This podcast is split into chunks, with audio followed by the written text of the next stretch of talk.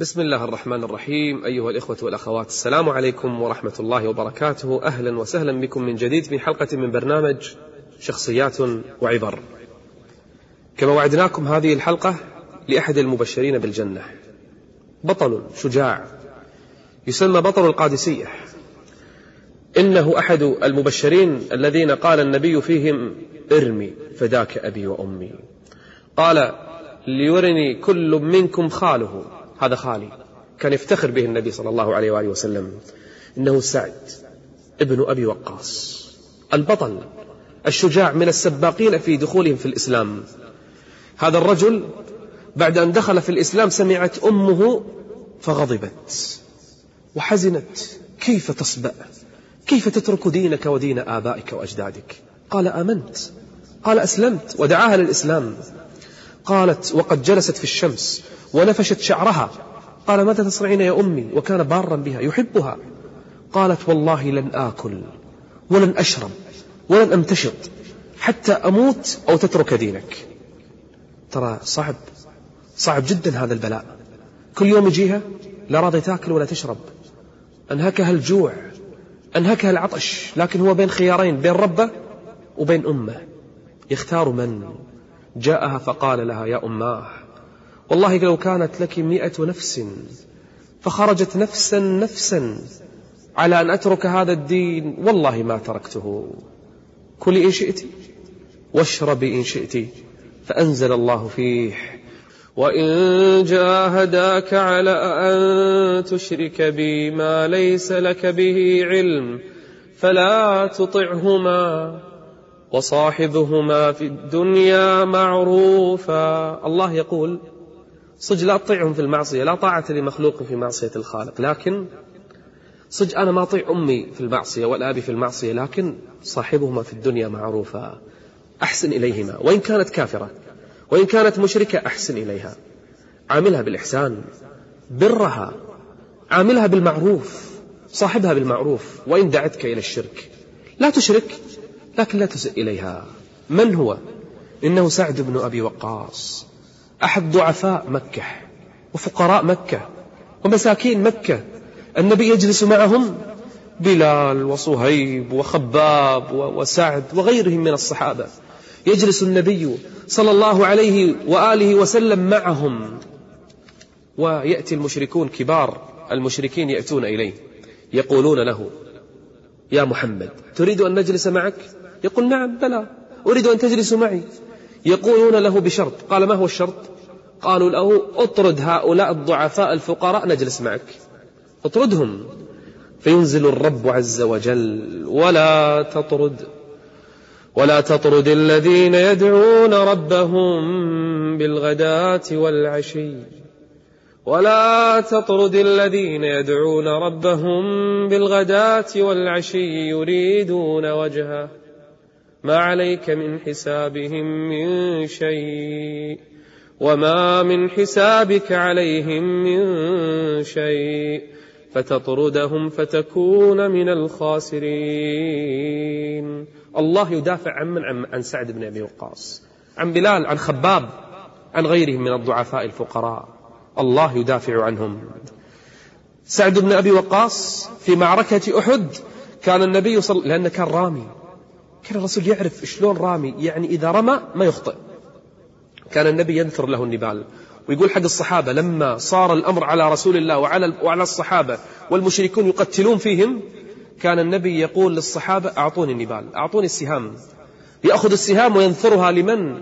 لسعد بن أبي وقاص الرامي البطل وكان يقول له ارمي فداك أبي وأمي ارمي فداك أبي وأمي. قالها لسعد بن أبي وقاص وما قالها لغيره من هو؟ إنه سعد. في خلافة عمر بن, أبي عمر بن الخطاب ولاه عمر ولاه عمر ولاية فكان واليا وكان قائدا في الجيش. عمر كان يعني يتفقد الولايات. يوم من الأيام سمع أن أحد الناس يشتكي من سعد. وكان سعد مستجاب الدعوة وكان عابدا صواما قواما. من المبشرين بالجنة واحد يشتكي عليه عمر ما يرضى. واحد يشتكي على والي من ولاتي بنفسه يتأكد. عمر راح إيش سوى؟ رضي الله عنه. ذهب إلى المساجد يسأل الناس في العراق يسأل الناس عن سعد بن أبي وقاص. كلما دخل مسجد يثنون عليه خير. حتى وصل إلى مسجد فقام رجل يقول يا عمر أما إنك إن سألت اسمع شنو سعد بن أبي وقاص. قال كيف هو فيكم؟ قال سعد لا يسير بالسرية. سعد لا يسير بالسرية. قائد الجيوش. قال سعد لا يسير بالسرية ولا يقسم بالسوية ولا يعدل في القضية. شوف الظلم شوف الافتراء. قال سعد أنا؟ أنا لا أعدل؟ أنا لا أقسم بالسوية.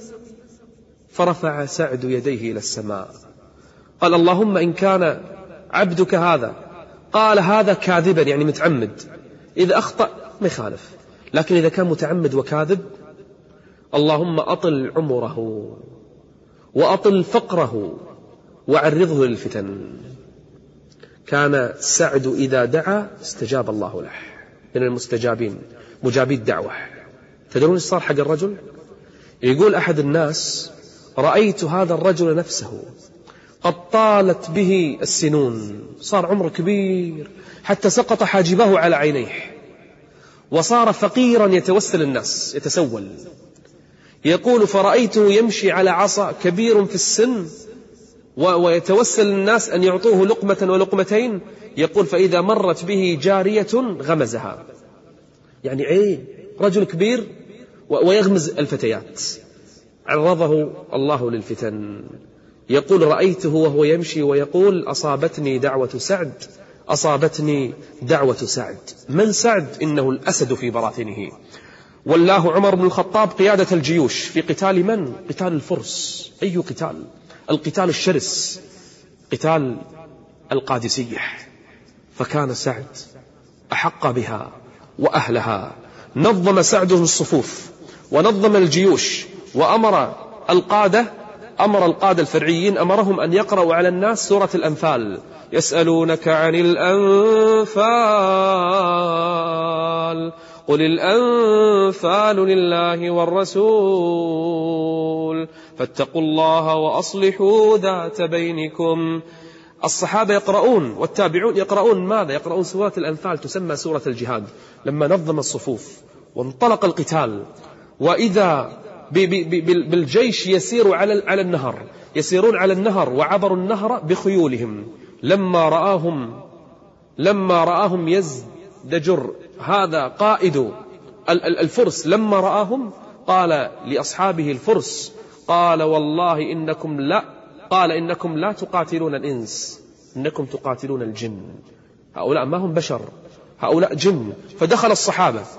والمقاتلون المؤمنون وعبروا النهر وإذا بدولة الفرس تدك وإذا ببطل القادسية ينتصر وإذا بالمدائن تفتح وإذا بسعد بن أبي وقاص يرى المدائن يفر منها الفرس المجوس يفرون والصحابة يأسرون من يأسرون ويقتلون من يقتلون ويستولون على الغنائم والفرس يهربون هروبا رآهم سعد بن أبي وقاص فدمعت عيناه. شنو شاف؟ شاف القصور خالية شاف الأنهار خالية شاف الكنوز أين الحرس؟ أين الملوك؟ أين الجنود؟ أين الذين كانوا يعمرون الأرض ومن عليها؟ أين أعظم دولة في ذلك الزمن؟ أين هم؟ دمعت عينا سعد بن أبي وقاص وقرأ قول الله كم تركوا كم تركوا من جنات وعيون وزروع وزروع ومقام كريم ونعمة.